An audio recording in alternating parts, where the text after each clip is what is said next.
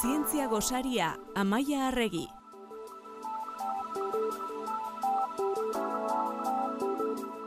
Amaia Arregi Donostia International Physics Centerreko zientzialaria eta komunikazio arduraduna. Ongi etorri Amaia, zen moduz? Oso ondo, keixo bider. Tira gaur hogei garren mendeko ezinbesteko zientzialari baten lana eta ekarpen zientifikoa izan nahi zenuen e, mintzagai, Lin e, Margulis e, hain zuzen, biologo evolutiboa, kontatuko diguzun orden? Bai, e, Lin Margulis, ba, biologo evolutiboa, garren mendeko biologo garrantzitsunetakoa kointzideratua, e, mila beratzen dago eta mezortzean jaio zen Chicago, eta e, bere lehen formakuntza urtea jaioterrian egin zituen, Eta masei urterekin ja Chicagoko Unibertsitatean onartu izan zen ikasle aurreratuentzako programa batean, e, eta bena, Margulisek berak esaten duenez bertan bat titulua eta senar bat e, lortu zituen, e, Karsagan astronomo eta divulgatzaile ospetsua izan baitzen bere lehena behiziko senarra, eta baita esteptizismo kritiko handiago bat ere. E, urren gurteetan, Wisconsin Unibertsitatean zoologian eta genetikan espezializatu zen, eta bi aurreta dibortzio baten ondoren, e, Berkeleyko unibertsitatean e, egin zuen genetikan doktoradutza eta Bostongo e, unibertsitatera joan zen bertako genetika departamentuan hogei urtez irakasle izateko. E, bera bakterien munduan barneratu zen, ez? Bai, oso gaztetatik biologian ordurarte arreta gutxi jasotako alor batek erakarri zuen marguliz e, bakterio munduak eta e, oso kontuan eduki bar dugu garai hartan bakterioak germen edo agente infekzioso bezala baino ez direla aintzat hartzen edo ezagutzen eta gainera bestalde evoluzionismoa e, zoologoek menderatzen zuten garai hartan eta enfasia animalien arreinoan zegoen jarrita ikerketari dagokionez. Ba, bidean erresistentzia handiak izan bazituen ere, zere, bueno, Charles Darwinen evoluzioaren teoria ba, oso, bueno, oso egonkortua zegoen, e, e, ba, bueno, berak egin zituen teoriak e, itzuli bat eman zituen evoluzioaren teoriari, eta, bueno, itanizaileak izan ziren bere karpenak e, e, bere proposamenaren bitartez, endosinbiosioaren teoriaren bitartez. Eta zer, e, zer zioen teoria horrek? Bueno, e, Margulisek irurugei garren amarkadan plazaratu zuen e, endosimbiosiaren teoria, mm eta e, teorionek proposatzen duena da, eukariotoek, hau da, e, nuklea duten zelulek, e, ordura arte modu independentean existitutako bakterioen arteko simbiosioan oinarrituta evoluzionatu zutela.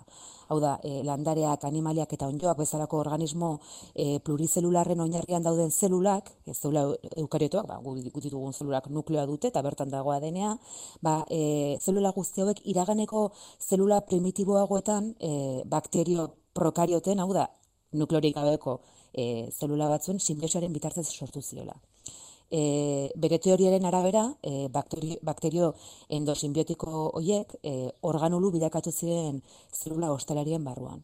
Hor da, gu begiratzen badin badugu zelula eukarioto bat, ba, gure zelulak, nukleoan egon politzetekea dena, eta badakigu zitoplasman, hau da, inguruan dagoen likido hortan, ba, organulu desberdina daudela.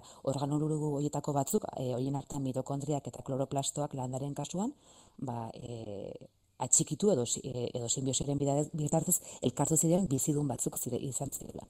Hori izan zen bere teoria. Mm biologiaren dilema handienetako baten azalpenetako bat zen endosinbiosioa, hau da, esplikatzen zuen nola eman zen saltoa e, zelula prokariotetatik e, eukariotetara. Eta nola jaso zuen e, komunitate zientifikoak e, teori hori? Bueno, ba, esan duten bezala, kontuan eduki behar da, momentu hartan, Margulisek bere teoria plazaratu zuen momentuan, komunitate zientifikoan puri-purian zegoela sintesi evolutibo modernoa. Hau da, alde bat ditik, bueno, ba, Charles, Charles Darwinen hautespe naturalaren bidezko espezien evoluzioaren teoria integratzen zen e, genetikan egindako orkikuntzekin. E, genetikari dago kionez, ba, esplikatzen zen nola, erentzia genetikoan, oinarrian goelitzateken mendelen teoria, genetikoa eta bestalde ba, e, ausazko mutazioen kontzeptua ere integratu zen bertan hau da. Honek azaltzen zuen ba, populazioetako variazio genetikoaren iturria zein zen, ez? Ba, mutazio e, e, aleatorio batzuk daudela eta mutazio horiek ba, aldaketa batzuk ekartzen dituztela eta gero aldaketa horiek ba, rakasta edukitzen dutela edo ez. E, imaginatu, claro, Margulis momentu hortan erradikaltzat hartu zuten, e, eta bere teoriaren arabera e, bizitzaren etapa goiztiarrean e, bizitza txik eta simple hauen kooperazioa e, e, izan zen evoluzioaren giltza. Hau da e, claro, e, Darwinen teoriak e, ba, balioan jartzen zuen edo edo enfasian jartzen zuen e, bizirauteko borrokan eta leian. E, Margulisek berriz e, proposatzen zuena zen kooperazioa ba, bizitzaren evoluzioan oso garrantzitsua izan zela. Edo behintzat moment, giltza, bizitzaren evoluzioan giltza izan den momentu batean e, kooperazioa izan zela e, ezinbestekoa. E, orduan, bueno, ba, e, bi ideia pixka bat alkeiten zuten, baina ez daude kontrajarriak eta ondorengo ikerketek eta evidentzia zientifikoek ba, e, e, margulise proposatutako endosinbiosiaren teoria babestu eta zindu zuten, eta gaur egun e, endosinbiosia zelulen bilakaeraren ba, mekanismo nagusinetako bat bezala onartu dago, eta biologia evolutiboan ba, funtezko teoria bat. Ba. E, berak ez dituen beste zenbait ikuspegik ere egin zuten ospetsu, ez?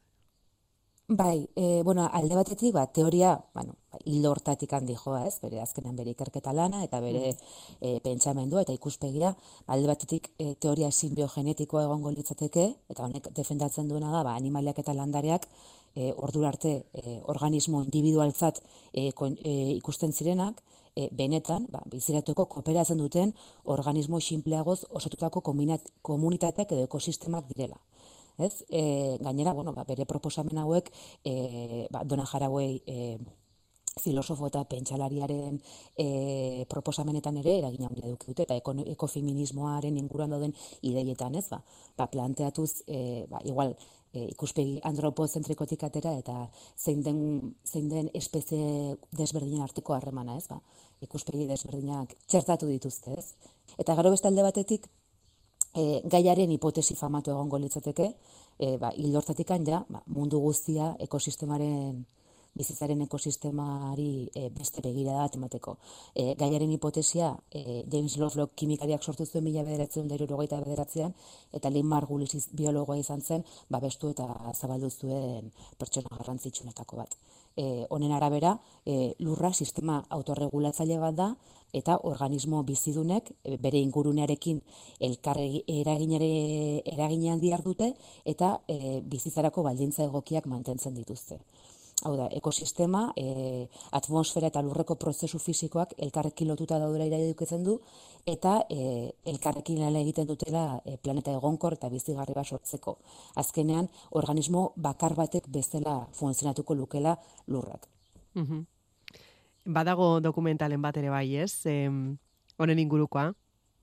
Bai, e, bueno, ba, e, ikerlari eta zentzialari e, honen inguruan gehiago jakin nahi dute entzulek, ba, aukera daukate e, bine eta meretzian plarzaratu zen dokumentala, dokumental bat ikusteko, gainera ustez Bartzelona aurkeztu zela, zeren bere urte askotan Bartzelonan egon zen ikerketan, e, Symbiotic Earth izena du, eta Vimeo plataforman dago, beraz, e, interesa daukanak, ba, bertan topatuko du e, ba, limar inguruko mm -hmm. informazio gehiago.